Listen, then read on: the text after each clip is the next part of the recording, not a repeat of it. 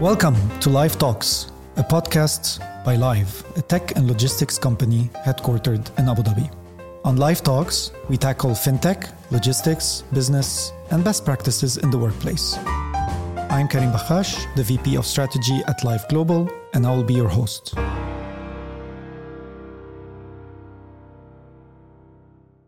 Welcome to a new episode of Lyve Talks. Today's topic is about the funding ecosystem, especially in early stage and VC. Pleasure to have my co-host today, Nader. Welcome, Nader. Hi, thank you. Good to be here. And uh, we have today uh, Walid Mansour, the CEO, the co-CEO of uh, MEVP and the co-founder and partner of uh, We Build Ventures. If you want to introduce yourself very quickly, uh, Walid. Thank you. And I've been in the VC ecosystem for in the MENA region for um, 15 years now. And I had the pleasure to be associated with uh, a VC firm called MEVP as a co-founder, and I run the co-CEO position today, and as well as many other initiatives such as We Build Ventures, which is a one of the first venture builders here in the Middle East. And I've been also lucky to be on the on the board of many great companies, mostly tech. Great to have you on board. Um, I think uh, today we'll have very interesting questions, uh, all about kind of the funding ecosystem in this region. Uh, so maybe if you can kick us off, Nader. Cool. Walid, welcome. Uh, always good to, to see you. Um, let's let's jump into it. So, you've been in the business for 10 years. You've seen the ecosystem evolve a lot, and we've seen a lot of changes in the last couple of years. Maybe take us through how did things change uh, on the LP level, on, on your level as GPs, and on the founder level. How do you see things evolving as a VC ecosystem?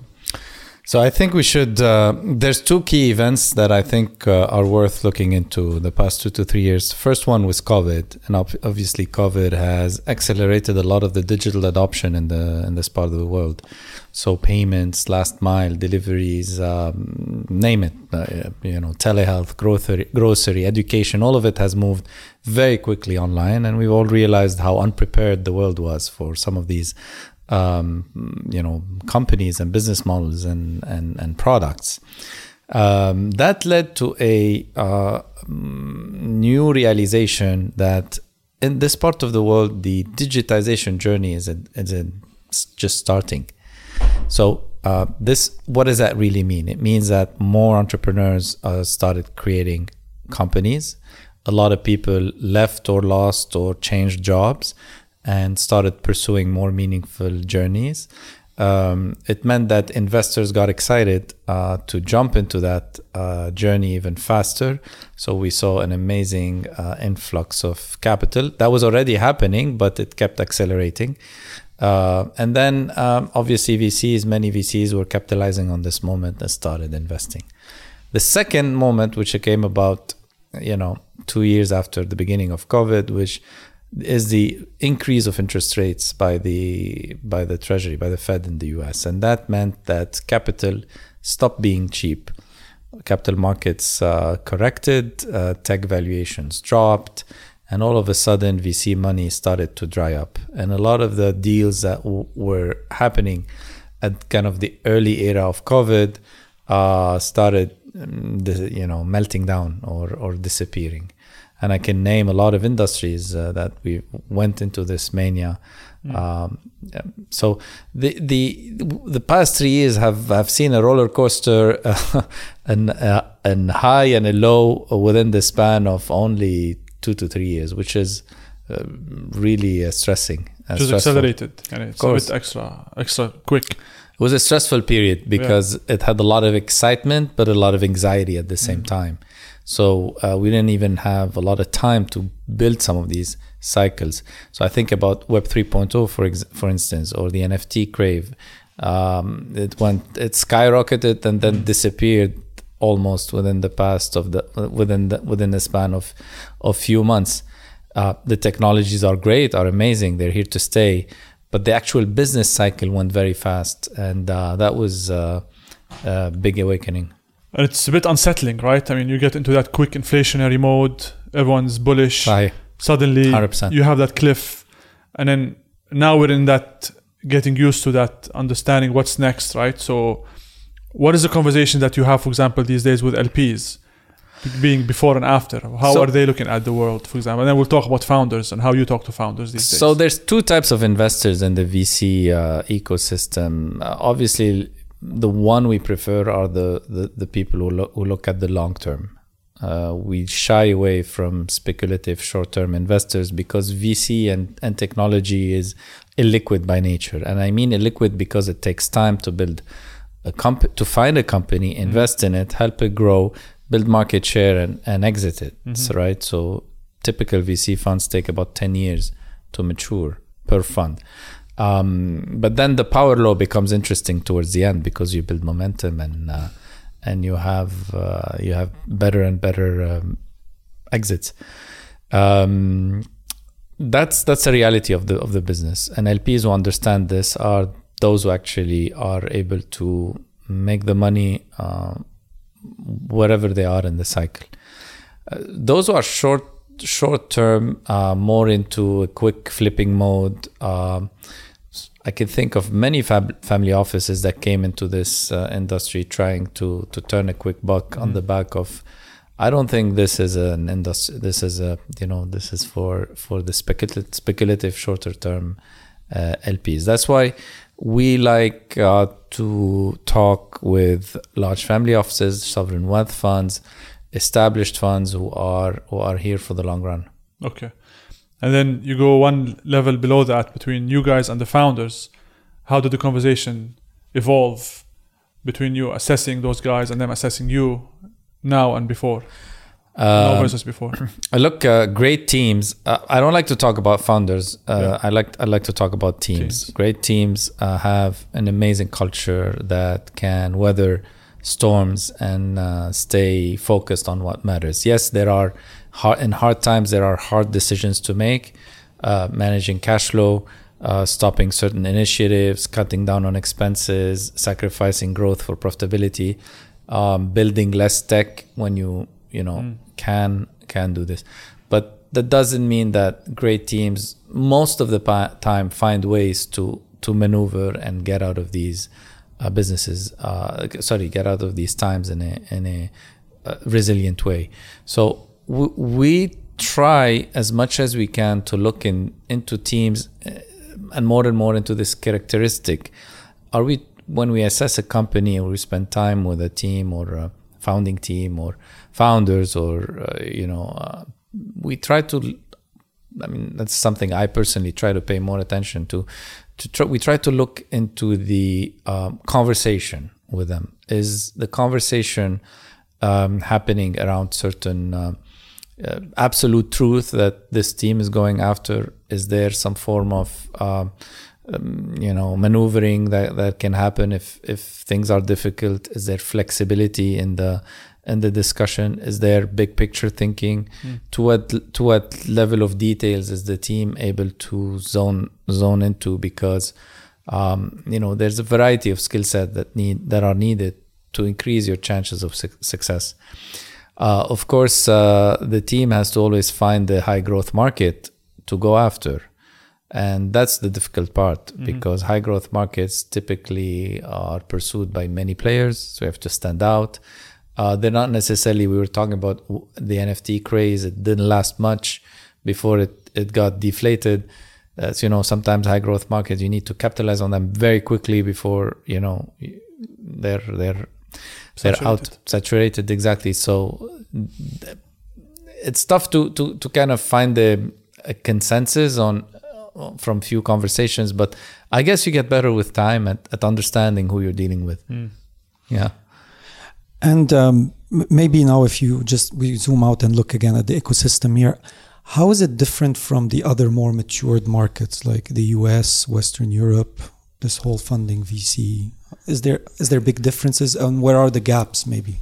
So yeah, there are, especially the US, there are tremendous gaps and differences, and I and I like I, maybe I can name a few just to give an example. Although I really don't like to compare what we see here with other markets because I fundamentally believe that we have our own path and our own journey in this uh, in this sector. Um, we're different cultures, different um, countries, different uh, uh, needs, uh, different markets, regulations, etc.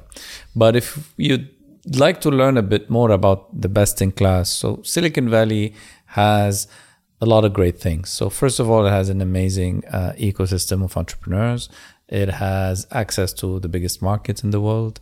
It has access to Wall Street because Wall Street uh, basically creates exits and exit velocity, a very active M&A market, and uh, of course a tradition that was built over decades of aggressive risk taking uh, and high velocity culture. Um, can we say that we would like to aspire to be there someday? Of course, we can always learn. However, the path is diff- the path is is very different. The journeys are very different. We do not necessarily look sometimes at disrupting certain sectors, but sometimes we look at evolving certain sectors, at introducing technologies to make things much better for our communities here, as opposed to go and look for the next big innovation that's going to change the world uh, we don't have the funding needs or necessarily the exit velocity to to have that uh, high risk, high uh, return um, environment. But we're very comfortable with um, digitizing certain sectors, introducing artificial intelligence when we can, introducing new technologies into people's lives when we can, and making this, uh, you know, much uh, this innovation cycle much more interesting for entrepreneurs to start with. Remember, uh, you know, this whole VC tech story in, the, in this part of the world is only 10 years old. You haven't had the chance to build that community of resilient entrepreneurs who have recruited people with them, who have worked over decades. And, you know, uh, there's not much serial entrepreneurs to start with, right? Most people who've done good exits, um, you know, I don't know if any have really started another business after that. That. Maybe there's one or two, but that we're still not there. So our journey is different, our objectives are different, and uh, it's always good from to learn from others, but not necessarily to you know come and say uh, we're like them. No, we're not. Just on that, yeah. In my in a previous role, we broke up the world into the entrepreneurship world into an ecosystem of talent, market, funding, and maybe some regulatory legal frameworks to ensure that you have that right environment. How do you think we, or where do you guys suffer the most? I mean, funding probably there's lots of money in the region, I would imagine. Markets, depending on where you are, but yeah, how do you see other, you know? I love your consulting framework approach to, to this. Yeah, you have to measure. Never touched consulting in my life. No, even yeah. though you're not consultant. I never did consult. yeah, it's my uh, fallback. So, look, we don't have enough money. This is uh, this is, I think, a uh, misconception. Of course, there's a lot big sovereign wealth funds, and there's a lot of good stuff going on here. But the, the VC industry is tiny and doesn't have the money it needs to mm develop. The tech industry is tiny, tiny what? T- tiny compared to the GDP of the of the countries mm-hmm. we're in, right? So, um, you know, you look at other ecosystems, China, US, Europe, the the part of the GDP GDP that goes into VC and and innovation technology is way bigger than than. So we don't have that money. Mm. Uh, second, uh, the MENA region, Arab world in particular, is still many countries. So uh, it has a unique. It has it it. In some instances, it, it feels like you're in one zone, but at others actually we're not because mm-hmm. if you want to cross a border from a country to another you're starting uh, from scratch now obviously digital companies are way easier to jump borders because if you're you know as an example if you're dealing with a i don't know with an app a gaming app right it's easy to download it all over the region no yeah. issues right but if you're dealing with something that a bit, bit more um, um, friction that has a bit of friction, such as e-commerce, or you Fintech. know, becomes yeah. exactly that needs a regulatory framework. Mm. So on regula- on regulation, for instance, uh, we don't necessarily have uh, passportability between country to another. One license in a country doesn't take you to another. So in the European Union, that's the case. You mm-hmm. take a license from one country, it applies to all of the union's uh, country, although they're very different um, starting businesses and and um, s- setting up businesses in, in certain countries with double taxation treaties is a, is a bit tricky to understand.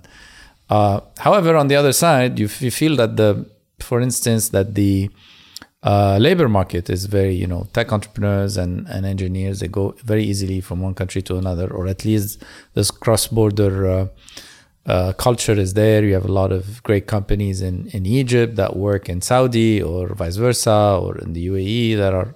So the labor kind of um, story is there. Uh, investments in capital uh, tend to to invest in different countries from the region. There is an appetite for uh, you know Mina uh, MENA stories. So I guess there's, there's a lot of work to be done on the. But it does feel like you said that scaling in the region is not as simple as, for example, scaling in, in the European Union or in the US because of these regulatory and this border between Correct. the countries. Is this one of the key unlocks? I mean, is there something that where if there was really a frictionless border, is it will scale much easier for? Well, it's what one of the reasons why companies like Talabat, Careem uh, got acquired by global players, and that's one of the reasons like you know many apps Anghami etc. were very popular is because they figured out a playbook to go into every country. Uh, so if you would want to price an app in Egypt, it would be very different than pricing it in Saudi, but that means a different pricing strategy and different marketing and different customer acquisition journey and and what have you. Uh, sometimes if you need, you have different um, maybe um, um, technology ba- uh, frameworks. So smartphone penetration in Saudi Arabia is extremely high. Uh, it's much lower in North Africa, right? So you got to build for Android as opposed to build for uh, for iOS. Uh, you know that's another layer of of, of complexity that you have. Um, when it, when you deal with regulation, that becomes tricky, of course, because some companies out there that need licensing. Thinking of the example of crypto exchanges, right? You know, Bahrain has an amazing central bank led uh, framework for crypto uh, trading. Um, other countries don't. So different different regimes, different licenses. The reason why, if you actually crack that fragmentation, then you become very valuable as a company. So the the, the very first thing that we uh, quote unquote suffer from that is not allowing us to scale is actually allowing us to create value, right? Because that's that's why you'll have uh, valuable companies and that go into different markets and and figure out have a playbook for the, every different market and become become extremely valuable. It's a paradox, but uh, moving forward, no, of course we have to keep on working towards a better uh, integration so that the scalability story becomes more interesting and bigger because we have the numbers and we have the markets and we can get there. Uh, but it's just going to take more and more believing in the story, more and more uh, going at it, as we say. Yeah, um, just on that, you find that some, the, a lot of the barriers to entry are lower for someone to start a product, develop an app, or, or you know get something going at least initially. It's not very expensive to build these days, and then you've we've seen a lot of companies come up competing in, in a similar sector, right? You've seen how sometimes certain sectors in tech get crowded very quickly, whether it's in fintech or payments or, or e-commerce, whatever you call it. How do you deal with that as an investor sitting on the on the financing side? What do you tell these guys? Uh, and where does the differentiation lie? Well, of course, we have the teams, but it feels sometimes it's it's very competitive. It boils down to price eventually. Uh, how do you guys worry or, or look at that uh, angle? So um, there's many responses to this. You either, uh, when it comes too crowded too quickly, capital becomes a differentiator. Sometimes it's the ability to stick with with a niche and, and go ahead and have a better execution strategy. Um, and sometimes it's consolidation. So I'm very admirative of startups that are un- that understand that their business is an ecosystem, and they go at building that eco- ecosystem not necessarily organically but inorganically. And that has its own set of challenges because if you're uh, you know acquire, acquiring uh, companies to complete an ecosystem it's a unique skill set. So you know differentiation on product side, capital availability, strategy. Mm. Uh, there's not one size fit all answer, but it's sure that things are becoming way faster. Yeah.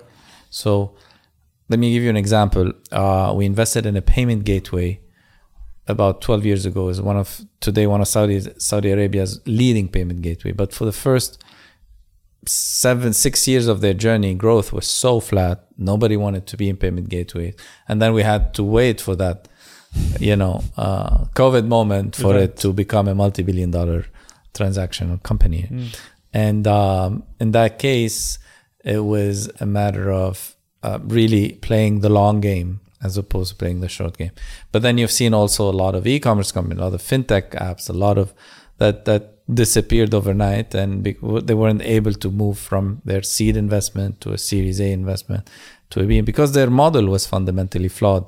Um, think of all the uh, in logistics, you have a lot of these companies with very thin margins uh, that were just basically trading businesses with a, with a very thin layer of tech on top of them, and that didn't create any value for everyone except Mhm. that it just you know had a lot of volumes going in or going out, and you know a lot of those companies disappeared. Last mile is a great example of of how many last mile tech companies try to move into the next level, and very few were able to build a real an ecosystem uh, that was viable.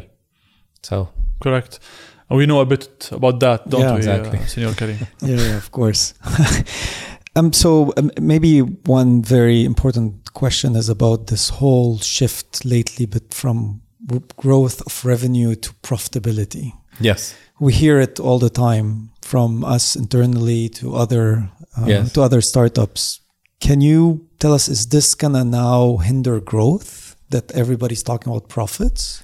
So it's, it's a very interesting question because tech companies who are listed today um, on Nasdaq, on LSE, whatever, their their quarterly reports and press releases focus on profitability growth, right? Which is an interesting metric, which is basically saying how fast are you growing on your on your bottom line as opposed to your top line. Uh, it's simple math. Interest rates um, made capital expensive.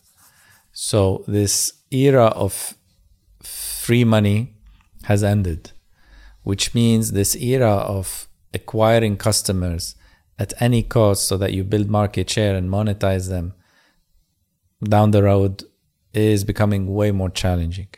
So people focus on back on fundamentals and back on back on profitability. However, in tech, it's a thin line. You cannot um, not grow in a tech company. Otherwise, you're not being disruptive, right? If a tech company is not growing to a certain extent organically, it means it's not actually shifting in a behavior offline to online. It's not necessarily doing something that is, you know, creating creating value for it. So the focus on profitability only without top line growth is also tricky.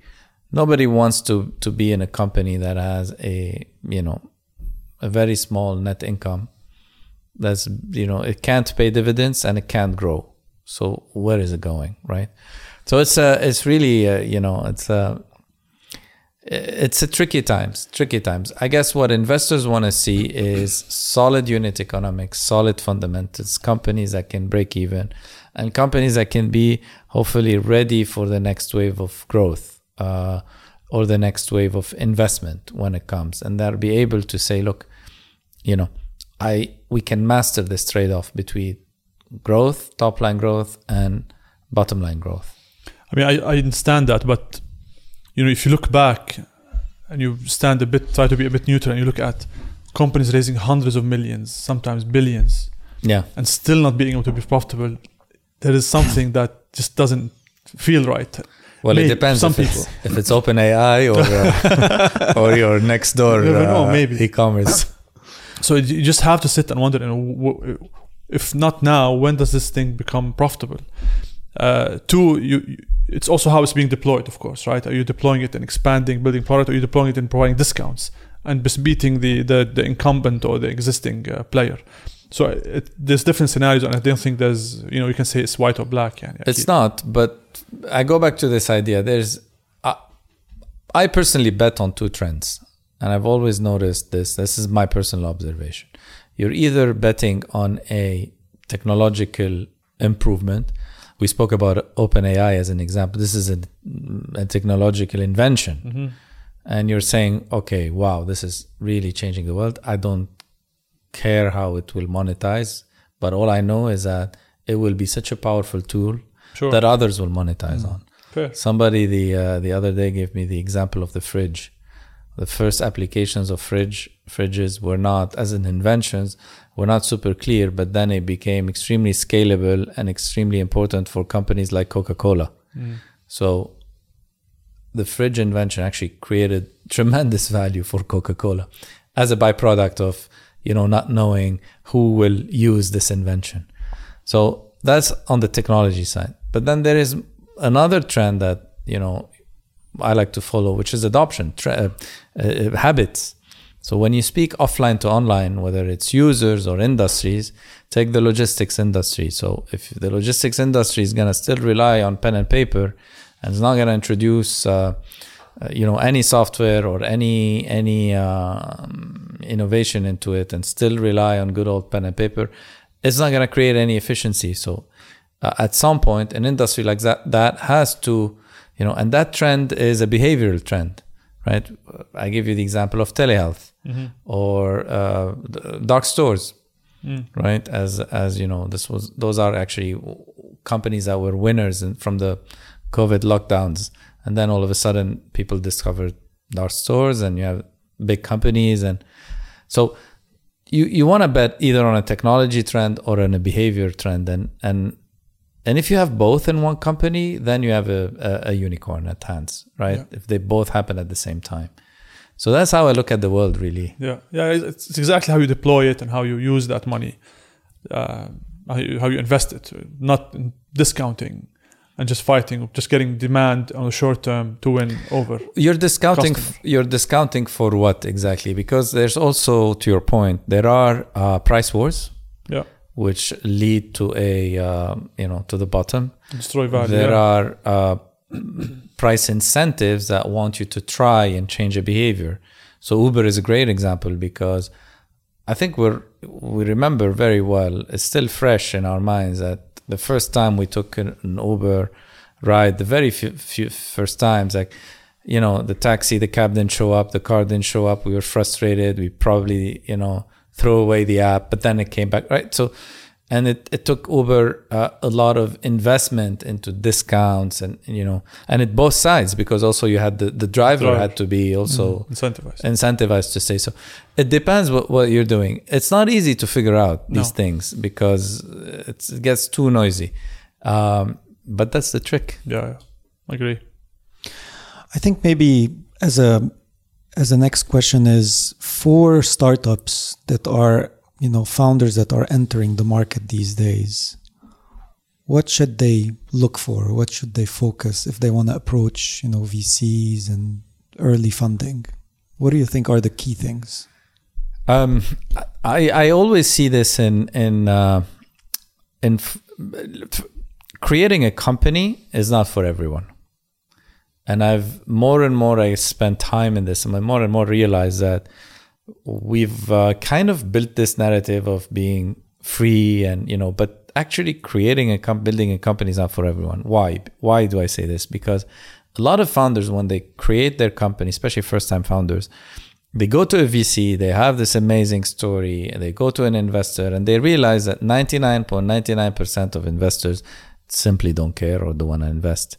And those numbers are crushingly depressing that, you know, you start questioning yourself. Hmm. Right. And I see this all the time. And it's it's also our duty to come and tell people that this journey is not a journey for a lot of people. Because if you're unable to take no and then go back work work on your work on your company work on your uh, value proposition come back show growth push things but then don't do it right? Be part of a company as opposed to start start your own company. So the very first thing i i, I start you know telling founders is this to approach these these meetings as a sounding board for what they're trying to build. Is it a no because the idea sucks there's no market because you suck as a team. Why? What's the reason? Because times are tough and I people don't want to put money.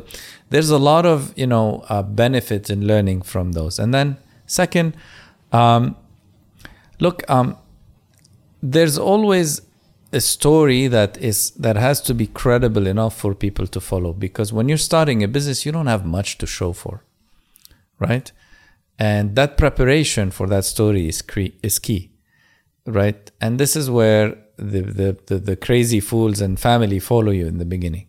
But also VCs right? So those who actually uh, invest in, in in in in applications or in ideas or in things that have a little bit of traction but not that much are basically investing in a, in a team in execution capabilities and in a story. And i i find the more and more important the story part becomes more important and i'm not saying story because you have to say anything to please people no i'm saying like to what extent you're able to explain why what you're doing is valuable for a customer for your for your teammates for yourself and by when this value will come in.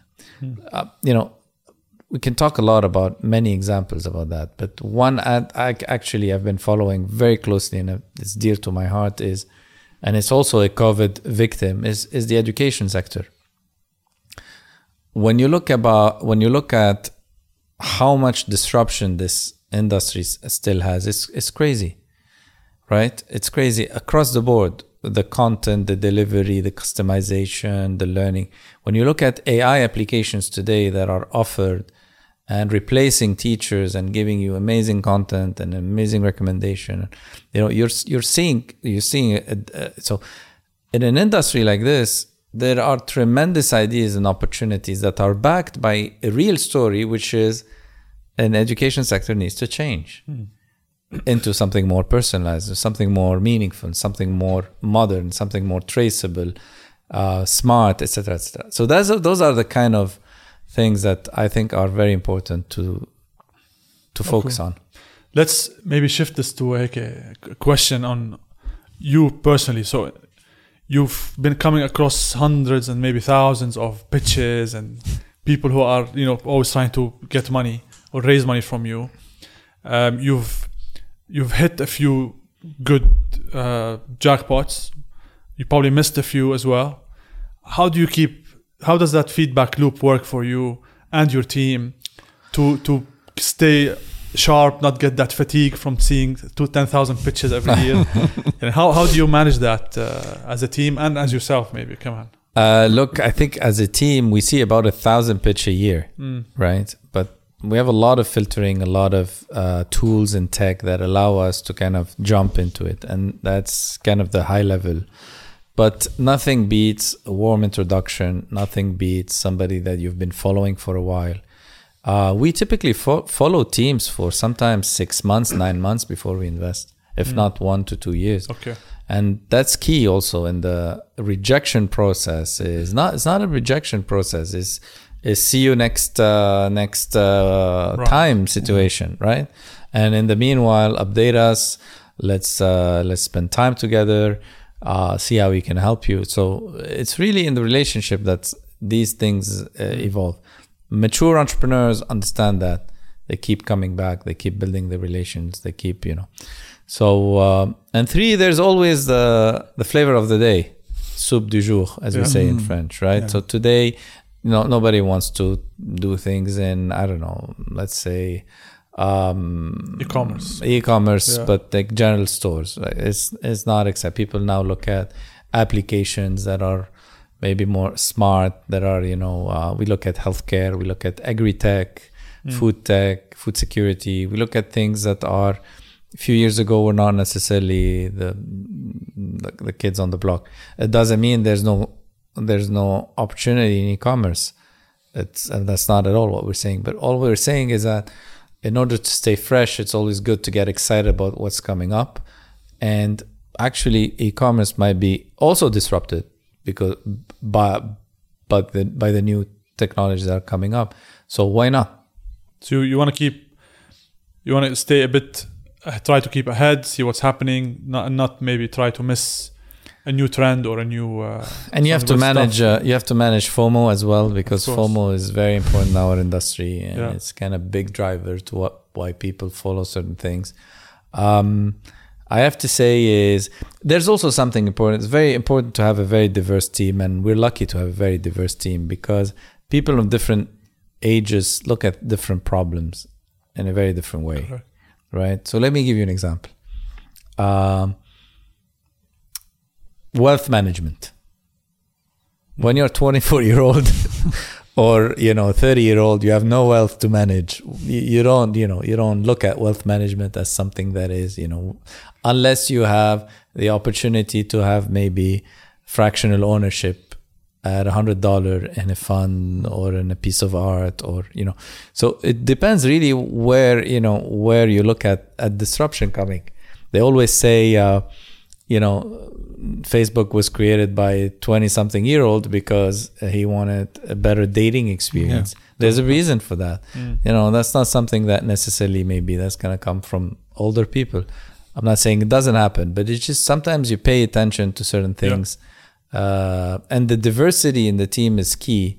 And i'm you know we're not talking about um, you know nationality diversity. I'm talking about real diversity, intellectual diversity.